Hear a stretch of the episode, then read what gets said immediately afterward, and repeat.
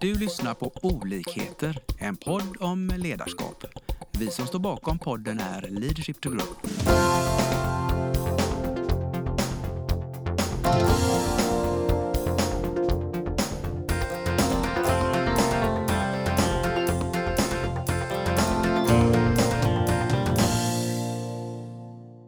Välkomna ska ni vara till dagens podd. Idag har vi en jättespännande gäst som heter Anna Bjärsjö. och du kommer ifrån. Ja, jag kommer från Hallongården. Och det ska bli så spännande. Eh, Vi som poddar med Anna idag det är Annika Nordén och Lars Engström. då så, då sätter vi igång. Ehm, Anna, kan inte du börja med att berätta lite kort om, om eh, vad är Hallongården och var ligger det till exempel? Ja. Vi ska ju långt, eh, vi ska nästan hela vägen ner. Vi ska till Trelleborgs kommun som är eh, som har ju Sveriges sydligaste udde. Riktigt så långt eh, ner är vi inte, men eh, mellan Vellinge och Trelleborg så söder om Malmö ska vi bege oss till, till landsbygden där ute. Eh, och Hallongården är en generationsgård. Det drivs av sjunde och åttonde generationen. Vi har eh, hallonodling förstås. Heter man Hallongården har man hallonodling. Eh, vi har gårdsbutik, halloncafé, självplockning. Eh, vi har ljusstöpning på hösten, vi har våffelbuffé på vintern. Vi har skapat ett eh, året runt besöksmål av vår gård som när vi flyttade till gården med familjen och då är familjen mamma och pappa och mina tre syskon.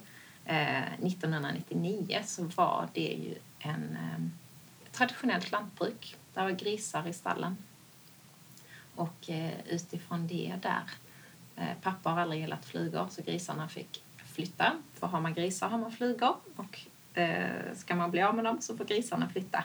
Och sen så då utvecklades det till hallonodling som blev besöksmål som har blivit en gård som om jag får lov att sträcka på mig säga vi producerar Sveriges bästa hallon. Det får du. Och det får vi tacka flugorna för egentligen då. Ja, precis. Om det inte vore för dem... Usch, nej.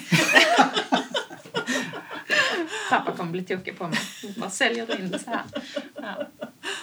Det är härligt att höra det, Anna. Mm. Jag vill höra mer, för Hallongården är ju eh, ett fantastiskt ställe kan jag ju berätta som har varit där. Mm. Ehm, eh, och, och, och eh, det kommer ifrån eh, grisfarm då. Och Mm. har blev, men det beslutet eh, som dina föräldrar fattade då, eh, minns du någonting av det själv? Um, ja, alltså... Det var, vår gård... Morfar hade två gårdar. och Det var vår gård och sen så var det en gård i grannbyn. Eh, och eh, mammas bror driver vidare eh, morfars eh, Eh, företag. Så grisarna har bara flyttat till grannbyn. Grisarna är kvar. Eh, men inte på vår gård då. Eh, och när det flyttar ut djur, så precis som på många andra ställen på eh, Söderslätt och landsbygden överlag så får man ju tomma lokaler.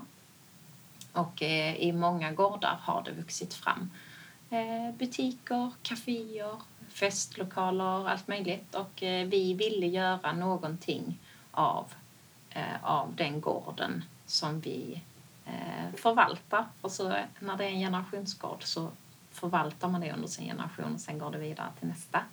Eh, och då föll valet på att börja med hallon. Och sen har det vuxit därifrån. Spännande. Du Anna, var, eh, har du alltid jobbat på Hallongården själv? Eh, nej, det har jag ju inte riktigt gjort. Även om Hallongården eh, medan jag vuxit upp har ju funnits där. Vi, eh, jag startade, det var jag, jag var med och startade Halloncaféet 2008 eh, som en kul sommargrej. Eh, och överlag med, med Hallongården så var ju inte tanken riktigt att det skulle bli ett besöksmål med 70 000 besökare om året. Eh, utan det har ju varit en resa, en resa dit under de här åren där eh, det började med, eh, med odlingen och att sälja lite hallon under ett parasoll under ett par veckor på sommaren. Och sen var det mamma som eh, började med mathantverk.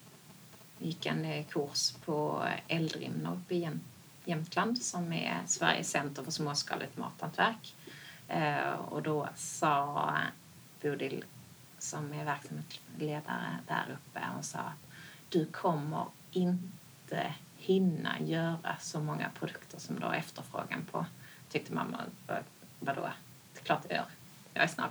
Eh, men eh, mycket riktigt så slutade så eh, när eh, hon gick den eh, kursen 2000, ja men så här, sex kanske, så var hennes högt uppställda mål att eh, jobba halvtid på årsbasis på Hallongården.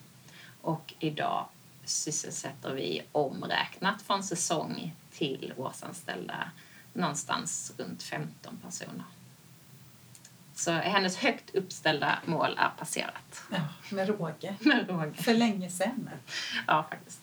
Fantastiskt. Och en reflektion är det ju fantastiskt snabbt marscherat tänker jag med dels så mycket besökare och sen eh, så mycket anställda och stor verksamhet och så. Det är på, på inte jättemånga år. Nej. Eh, det finns ett intresse av att komma ut och uppleva landsbygden. Eh, och det intresset växer bara. Jag brukar säga det att när vi började vara på marknader runt 2010 då kunderna vi träffade där som smakade våra produkter som då är ju mathantverk, det är småskaligt, det smakar som när man gör själv. När vi gör en satsmarmelad så är det på fyra kilo bär. Eh, sen gör vi ju 20 000 burkar om året men det är ju små batcher varje gång eh, och då behåller man smaken. Och de vi träffade då i början när vi var ute på marknader de tyckte ju att ah, men, det här smakar som mormors. Jag, är, nej, jag får flyttas till mormors trädgård. Och den generationen som har den direkta kopplingen till landsbygden. Eh, det är inte så självklart att man kan åka till mormor och morfar på helgen och få komma till landet. Och då är vår typ av eh, besöksmål där man får komma ut och uppleva en gård eh, och plocka sina egna bär och på hösten stöpa ljus eller bara liksom få vara i trädgården och se hönsen, hälsa på getterna. Det finns en efterfrågan på det. Jag tänker ändå de hallonen ni gör, det, det är ju liksom, ni har ju lärt er att bli väldigt eh, skickliga på fina och goda hallon också. Hur gör man det så snabbt? Ja, men det, vi satte den första hallonen 2003 eh, och det är ju helt sjukt känns det. Eller vi skördade de första 2003. Vi satte dem kanske 2001. Det betyder att det är 20 år. Vi har 20 års erfarenhet av hallonodling. Eh, så man lär sig väldigt mycket på 20 år. Eh, och sen har vi genomgående alltid med oss kvalitetstänket. Allt vi gör. Det var ju det som gjorde att vi började med mathantverket. För producerar du hallon så får du jättefina hallon och så får du de som är, ja men de är väl okej. Men de är liksom inte super. Det är jättefin smak på dem ofta så handlar det ju om att de visuellt inte um, är riktigt bra. Och sorterar man bort alla dem så får man ju kvar en toppkvalitet. Och det är så vi jobbar. Vi har jobbat kvalitet hela vägen. Och i och med att vi har mathantverk så kan vi verkligen göra det. Eh, och jag tror på att om man hela tiden har det med sig eh, och är duktig på det man gör, för det, eh, över tid så sållar det ju faktiskt ut och hade vi inte varit duktiga då hade vi inte haft ett sånt här eh, företag och besöksmål och det kan man få lov att sträcka på sig och känna att ja, men vi, vi har 70 000 besökare och vi fick servera hallonen på Nobelmiddagen, eh, var med kocklandslaget när de tävlar i OS. Det är faktiskt för att vi är duktiga. Eh, var, stolt, liksom var stolta. Och vi är jättestolta över det. Underbart. Ja, men det måste det vara. Vad, vad tänker ni? För ni har många anställda också. Är, är de med i den andan? Ja, och det vill... Det, det måste de vara, tänkte jag säga. För att när man har så mycket besökare så är det väldigt viktigt att, att man bemöter kunderna lika. Det är ju väldigt enkelt att ha ett jättebra kundbemötande om jag får träffa alla och att alla får känslan av att de kommer hem till, till en familj om de bara träffar familjen. Men med så mycket besökare vi har så träffar de ju inte bara familjen utan de träffar ju alla våra fantastiska medarbetare också. Eh, och då ska ju de stolt också kunna känna att det är lite grann vårt hallongården de kommer till. Alla ska känna att vi odlar hallon även om alla inte har stenkoll på hur hallon odlas. Jag blir lite nyfiken för på uppsnacket här, vi berättade att ni har gjort ett visionsarbete. Är det lite av det skälet att, att sprida er själ eller vad, vad är tanken med det? Vi satte i höstas, vi har och vision, det är ju att när man är ett litet företag så finns det så otroligt väldigt mycket mycket att göra och en del saker läggs lite på vänt. Vi har ju väldigt länge haft eh, jobbat mycket med värdeord eh, och knutit kring det och då är våra värdeord äkta, glatt och familjärt. Eh, och det brukar, pratar vi jättemycket med personalen om för att eh, de ska veta vad vi vill förmedla. Eh, och också eh, handlar det om hur man bemöter varandra. Så man kan knyta väldigt mycket om man ser till att man, mm, man sitter ner och funderar på vad är vi? Eh, och då har det varit eh, eh, de här värdeorden och sen som ni sa så i höstas sa vi att nej men nu måste vi faktiskt ta ett tag med visionen. Vi måste sätta oss och fokusera på det. Så då tog vi eh, och bokade en konferensdag och målsättningen var att nu ska vi, vi stöta det här. Och då var det eh, om man säger lågsäsongspersonalen, vi är väldigt många på sommaren med jättemycket timanställda, men de som var kvar och jobbade hos oss i, i november, då bokade vi en dag och så sa vi att men nu ska vi, vi ska tänka till här, vad är vår vision? Och så hade jag plockat fram lite exempel på visioner, vad vad är en vision? Och så, hade jag skrapat fram den här gamla visionen som vi hade från 2012 som skavde lite. Att den ja, men, kändes inte som vi hade hittat hundra rätt. Och sen satt vi där och, och liksom jobbade och, och tänkte och vi var i tre olika grupper och vi eh, alla tog fram och sen satt vi, det låter som vi är jättemånga, vi var väl eh, sju stycken men eh, vi delade ändå upp oss och sen så satte vi oss allihopa tillsammans och så diskuterade vi. Och då, det vi landade i då eh, var att Hallongårdens vision är att ge en del av landet och en paus i vardagen.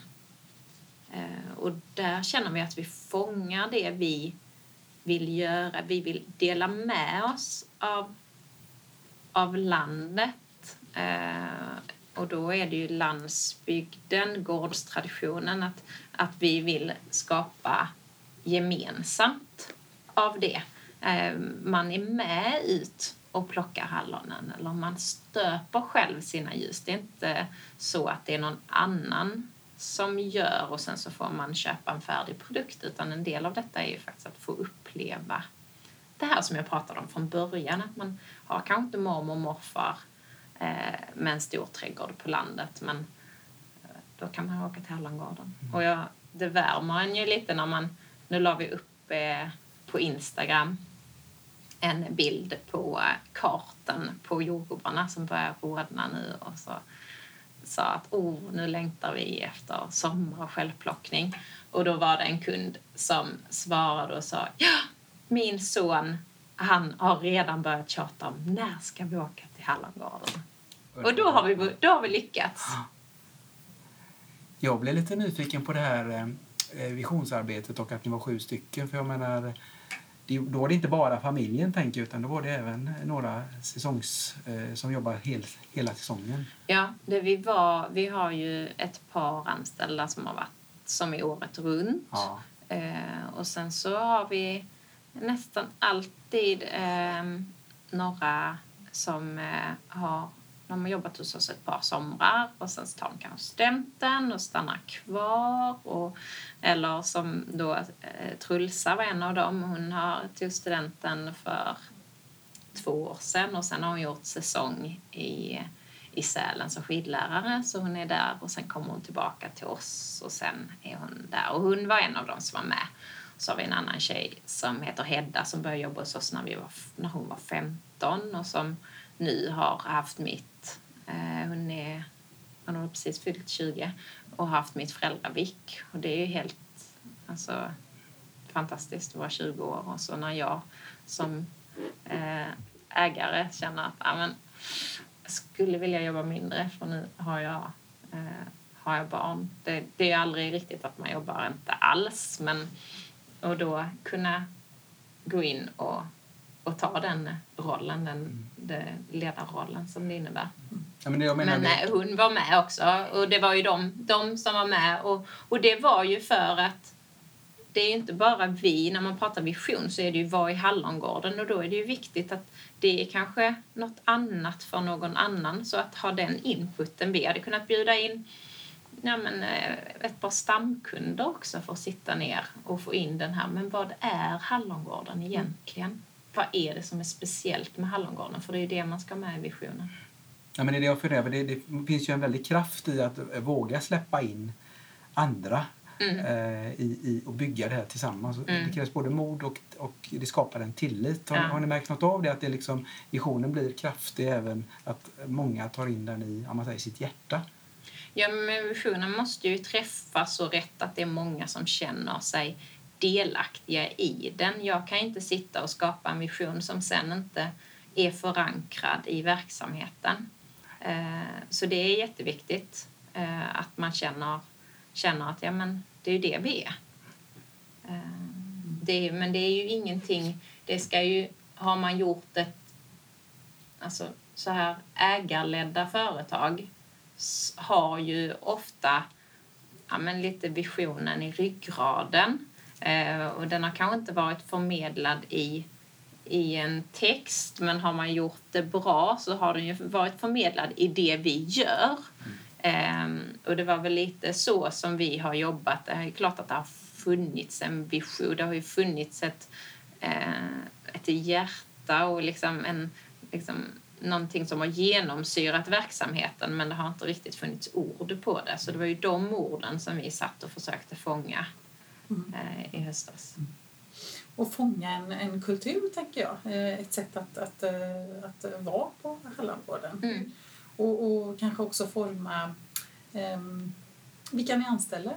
Och jag förstår ju att ni, ni anställer ju, eftersom ni har, jobbar också säsongsbetonat så, så, så blir det väl en del av det. Kan du inte berätta lite grann om Jo, eh, vi har ju anställt ett par hundra eh, över åren eh, och intervjuat ännu fler. Eh, och det har jag lärt mig med tiden. Eh, att, att vara tydlig i intervjun av vad är Hallongården och vad förväntas av Hallongården. Och man lär sig lite det på sommaren eh, där man liksom kan känna så här bara, men vad hände denna sommar? Varför funkar inte detta? Ehm, vi hade till exempel för ett par sommar sedan då det var en del som tyckte att nej men disken är inte min grej. Eller nej det Okej. gör inte jag. För det var inte det jag tyckte var roligt eller ville göra. Så det har man ju tagit med sig då och redan i intervjun så berättar jag vilka arbetsuppgifter finns på Hallongården. Men jag är också väldigt tydlig med att man blir anställd på Hallongården och man hjälper till där det behövs.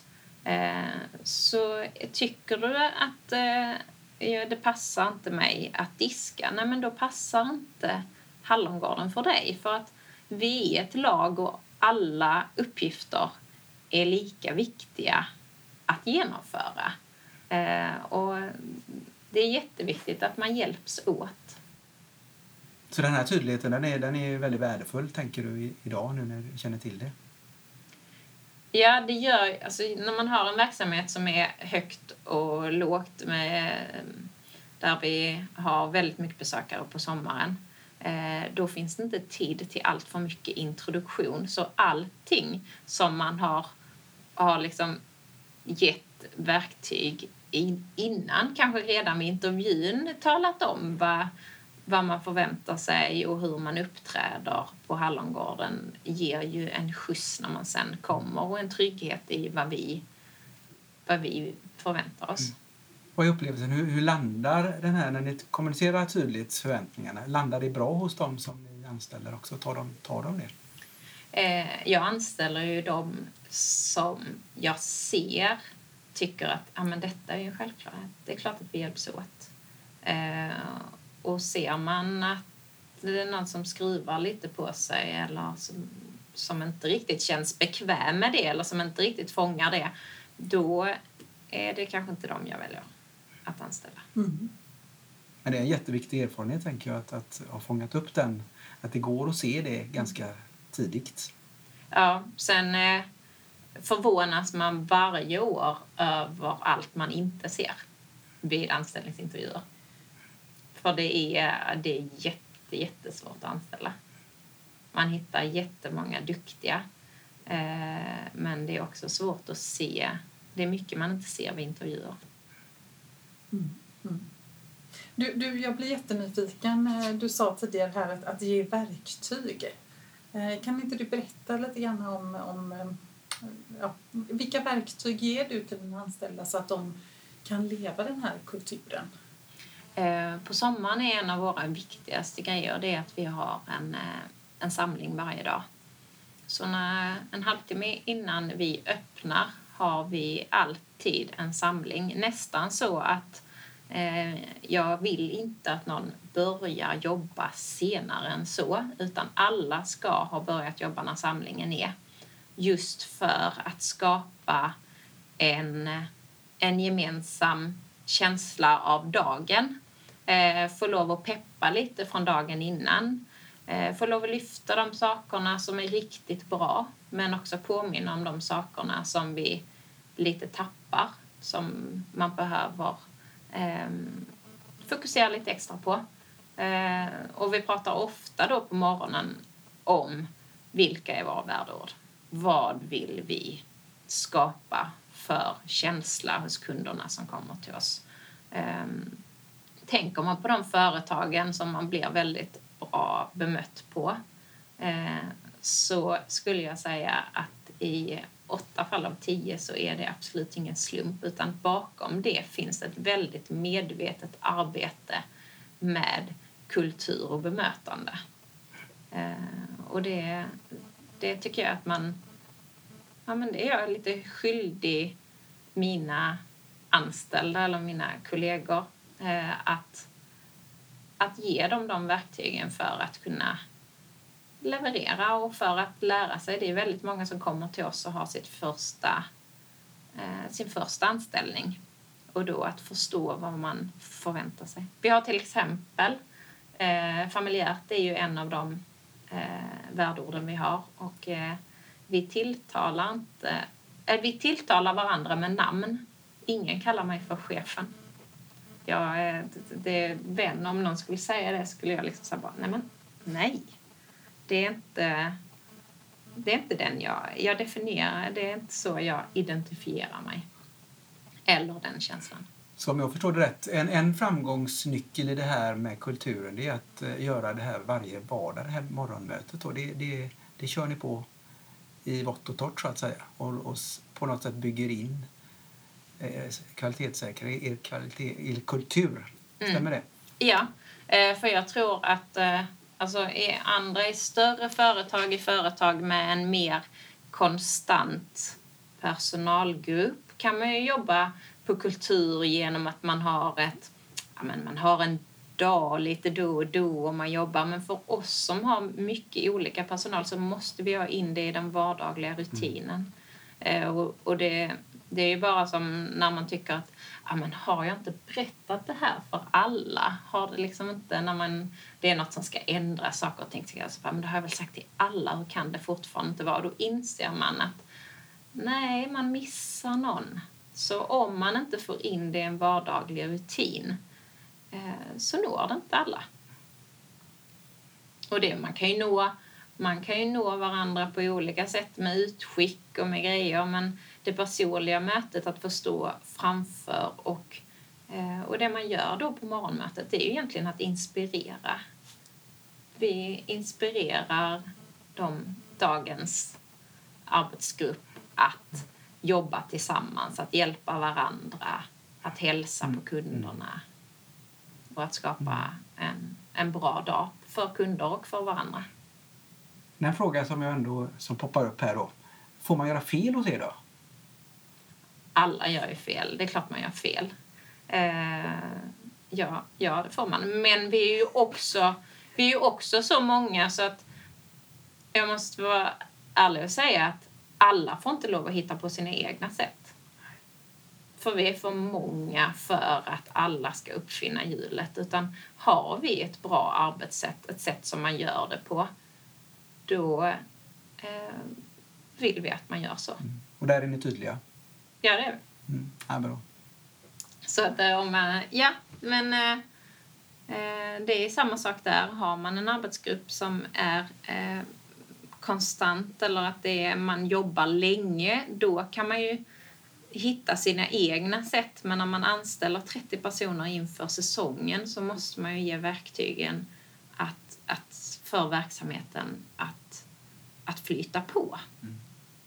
Sen tänker jag, en reflektion där, det är ju att, att när man har med mycket yngre, med unga människor, unga Mm. vuxna att göra så är det klart, och som du nämner också, deras första arbete kanske. Då Mm. gäller det ju lite grann också att, att, eh, att stötta dem. För Mm. kommer man eh, som helt ny Mm. och inte har så mycket tidigare erfarenheter så måste Mm. man ha någon som berättar också hur, de, hur man vill att det ska, det ska gå Mm. till och på vilket sätt. Mm. Så det är ju inte bara, det är ju en stöttning för Mm. de anställda, Mm. tänker jag också. Sen är det också skillnad när det är, när det är som mest högsäsong och allting rullar på i 120 och dagen ska bara flyta och så ska det vara flyt till nästa dag. Än nu i, i försäsong eller i eftersäsong när det ändå det finns lite mer tid för eftertanke eller hur tänker du? Och sen kan man förstärka det. Det är, också, det är en väldig skillnad på hur verksamheten är och också hur ledarskapet är när det är eh, full fart eh, och jättemycket personal och, och många som är ganska nya på sitt jobb kontra nu när det är de som har varit där länge som är på plats. Det låter som ni är väldigt situationsanpassade i ledarskapet. Jag tror inte man kan ha en verksamhet som är så olika som vår är i säsong om man inte anpassar ledarskapet efter säsongen eller verksamheten som den är. Det är, inte, det är liksom inte en mall eller en form som funkar hela året. Och det är ju, alltså jag hade ju inte velat ha högsäsong året runt.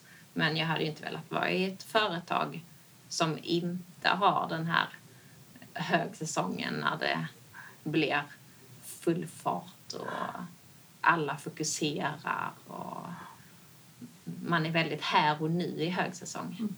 Medan man i lågsäsong kan tänka ja, men visionsarbete och strategi och planering. Men i högsäsong då är man här och nu. Får jag ställa en personlig fråga? Mm, ja. Vad är det som driver dig mest? Men det har nog... Mm, vi är ju i... Vi jobbar ju med mat och mathantverk men jag tror att det som verkligen driver mig det är mötet med människorna och servicen och besöksmålet.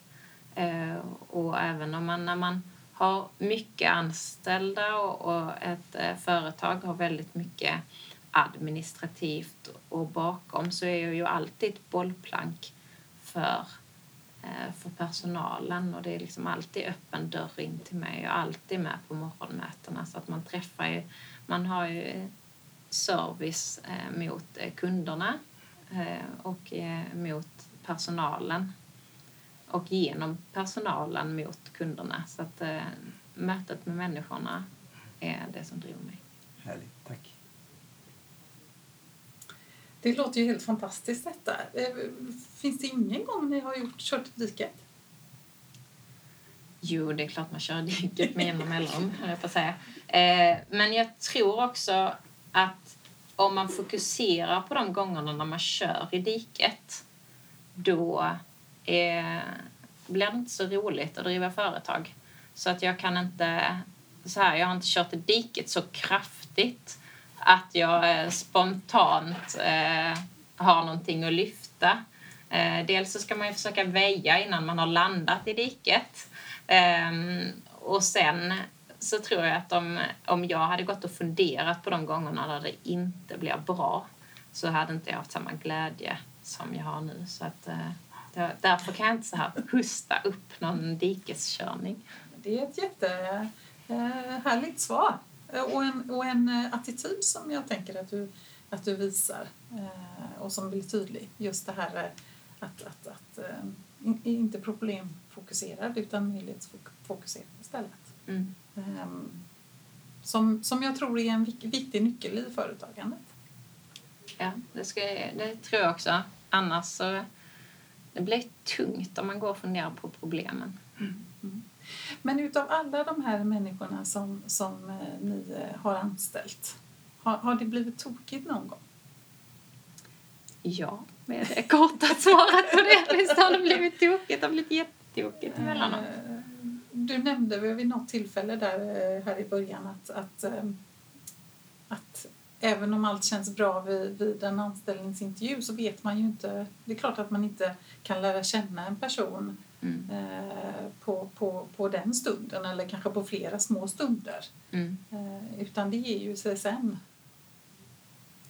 Ja, det gör det ju. Det är ju först när man kommer in i, i arbetet och man eh, ehm, ser hur man reagerar i olika situationer. Så att, eh, Visst, och det lär man ju sig också över tid. Hur hanterar man det? Provanställning, visstidsanställning men att man har en formulering som säger att man har en ömsesidig uppsägan. Alltså det finns väldigt mycket som man lär sig med tiden eh, när det gäller anställningar. Eh, det finns inget kort svar på det för det är en hel djungel. Men eh, eh kort. Ja, nej. Det ömsesidig uppsägning är en bra grej. Ja, ja. Och det är klart att, eh, att genom alla de anställningarna så skapas ju en eh, gedigen erfarenhet att göra det. Så det är klart att det ligger ju inbyggt i nästa, nästa säsong, det man har lärt sig. Eh, så, så att, eh. Ja, och så är det ju. Man utvecklar ju intervjuerna och man ser signaler som man inte tidigare har sett. Eh, det kan man tycka att vi har anställt i många år men varje år lär man sig någonting nytt som man tar med sig in i eh, intervjuerna och in i när man läser ansökningar. Och... Du, jag funderar på nu, ni gör ju väldigt mycket rätt och det går väldigt, väldigt bra och då blir ni ju framgångsrika. Eh, vilka utmaningar kommer med det?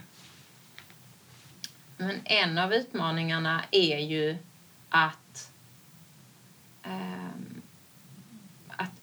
upplevas som genuina trots att det är mycket besökare. Ehm, man kan ju ibland eh, när man kommer mitt på sommaren och inte har träffat oss annars eh, känna att man kommer till ett jättestort företag. Liksom, det är Liseberg man kommer till ungefär känns det ibland. Eh, och det är det ju verkligen inte. Och det är ju bara vi. Det är ju liksom det är bara människor. Det är ju liksom en helt vanlig familj som, som driver. Eh, och det är en, eh, en utmaning att förmedla. Mm. Mm. Jag tänker, eh, jag, jag blir jättenyfiken att fråga framtiden. Hur framgent här nu för Hallongården, hur ser det ut? Det får man alltid den frågan. eh, vad, vad händer nu? eh, nej men, vi har vuxit ganska mycket. Vi började med självplockning 2014 vilket är ganska länge sedan nu när man summerar år. Men det var ändå så att när vi började då så hade vi känt att amen, nu hade vi hamnat på en platå. Det är det här som är Hallongården. Ehm, och sen började vi med självplockning. Och självplockning är ju otroligt intressant. Så sen har det liksom bara skjutit iväg. Um, så vi jobbar fortfarande på att bli bättre på det vi gör. Eh, så vi ska bli ännu bättre på det vi gör. Mm. Att ta emot kunder, att vi har, vi har inga skyltar. Vi måste ha skyltar. Det är så himla mycket som vi måste göra. Eh, sen behöver det inte vara perfekt. Vi har ingen... eh, När vi byggde vår eh, nya, eller vår gamla gårdsbutik, vår första gårdsbutik, eh, så hade vi EU-pallar som trappa ganska länge. Så kunderna, våra kunder tyckte att det var wow när vi byggde en riktig trappa. Och det är lite, är lite så vi är. Vi bjuder liksom in till oss. Så det är bara, det är vi. Det, det är inte perfekt. Det behöver inte vara perfekt. Men det ska ju vara bra. Alltså det ska ju ändå... Ja, men det låter som att ni har väldigt tydlighet med vad kvaliteten är i produkten och det ni gör. Men sen Ja. allt runt om, det, det löser ni och ser det Ja. familjärt. Så, det, så snappar jag. Stämmer det lite? Ja, men, och det stämmer lite. Och sen så är man eh, lite back alltid. Ja. Det finns inte tillräckligt med tid. Det är väl... Det är väl mamma brukar säga jag jobbar på en 40 timmars vecka. Eh, Så ni jobbar på det? vi, jobbar på det. Nej, men och det är ju det fantastiska, tycker jag. Då, för jag har en 40 timmars vecka men jag, ju, jag och min man har ju tre eh, barn som är ett, och fem och sju. Eh, och då att kunna jobba med mormor och morfar, deras mormor och mina föräldrar, det gör ju att, att de unnar ju oss tiden med barnen. Eh, Så jag har ju jobbat mycket mer än vad jag gör nu när barnen är små. Även om jag lite grann jobbar på all ledig tid. Så eh, jag får ju barnen lov att ta tid också. Så vilket, eh, om man talar självledarskap och life balance, vilket betyg skulle du ge dig själv just nu då? På skala 1 till 10? Eh, oj. Eh, alltså det har blivit mycket bättre. Eh, jag tycker nog att jag kan gott få en sjua. Ja, men det är jätteimponerande, tycker jag, med tre barn och det du har beskrivit om. Så, så känns det som att det är, det är en okej nivå, absolut. Ja, men det är en okej nivå och jag tror, eller för mig har det blivit lite, det är ju nå- att jag måste eh, acceptera good enough. Jag kommer inte hinna allting, men jag kan inte gå och ha ont i magen för det jag inte hinner. Hur känns det att säga så? Jättebra.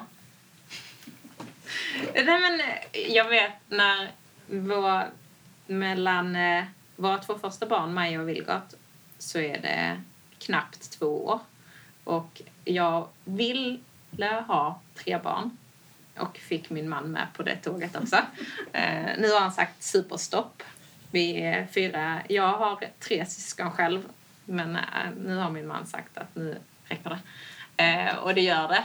Men, eh, men då kände jag med tredje barnet att oh, tänk om man hade kunnat hoppa över första året. För det var ganska tungt med, med Maja när Vilgot var liten och Maja och företaget. Eh, så då hade jag inte en sjua på eh, balansen utan eh, var, det var lite jobbigare. Och där tror jag att eh, nu har jag blivit eh, fyra år äldre, för det är fyra år emellan dem. Och med den erfarenheten så har jag en annan inställning till saker och ting som behöver bli, gör, liksom, bli gjorda. Så, Men då blir jag, vad är ditt råd då till våra lyssnare? Att liksom, man måste inte vara där 110% perfekt. Är det, är det så man ska tänka? eller? ja, framförallt ska man fokusera på det som är bra som man gör och inte det man inte hinner. Underbart. Jag tror den är väldigt värdefull. Precis. Jättevärdefull. Och, och, och där tänker jag, är det, har du något tips? Liksom, hur sållar man då? Vad är viktigt? Skatteverket måste in och... eh, nej, men eh, vad är viktigt? Eh, Hur gör man? Ja, men jag tror inte det finns något universalt svar på det. För vissa saker är viktiga för mig och andra saker är viktiga för andra. Ehm, så att det, man måste hitta sin egen balans i det. Det är ingen som kan svara på hur ska du hantera dina utmaningar utan gå tillbaka och se vad, vad behöver du ha gjort för att må bra. Gör det. Kanon. Tack. Jätte... Klokt! Du är ingen klok bok du. Tack, tack, tack. Är det något mer så som du tänker att eh, du skulle vilja berätta för lyssnarna? Som vi liksom har glömt av här nu under våran, vårt samtal. Ja, avslutande klokskap. Om det är något som inte stänger den här grymma intervjun med en osagd. Något som är osagt. Nej, men alltså, är det inte en ganska bra avslutning? Att eh, fokusera på vad du behöver göra Mm. för att må bra. Mm. Eh, och när man mår bra, då är det så mycket roligare för alla Mm. runt omkring en. Det låter lätt men kan vara svårt. Det är en jätteutmaning. Det är en jätteutmaning och det havererar ibland. Ja, Eh. det tar väl inte slut utan man kanske måste ompröva det där hela tiden, tänker jag. Ja, och emellanåt så har man för mycket och då eh, funkar inte den balansen lika bra. Men eh, stress är okej. Det finns positiv stress, men den får inte vara för långvarig. Eh, så det är jätteviktigt att lyssna på kroppen. Jag blir så förbannad på dem som eh, kommer till mig och säger Men Anna, du måste vara försiktig. Du kommer att gå in i väggen. Nej, det kommer jag inte för jag lyssnar på min kropp. Eh, så är det så att jag känner att nej, gud vad trött jag är, då måste jag ta den signalen. Eh, men fram till dess så, eh, alltså, jag gillar ju att jobba. Jag tänker det är ett jätteviktigt slutord till alla våra lyssnare där ute. Mm, Lyssna på er, var ärliga mot er själva. mm, det tror jag är viktigt. Precis. Precis. Men eh, då säger vi jättemycket tack till dig, Anna, för att du har varit med oss här idag. Tack så mycket. Tack! Vi hoppas att vi har väckt tankar om hur du kan utveckla och stärka ditt personliga ledarskap. Följ oss gärna på våra sociala medier där vi heter Leadership to Grow. Om du vill ha mer inspiration och verktyg, gå in på vår hemsida leadershiptogrow.com. Tack för att du lyssnar.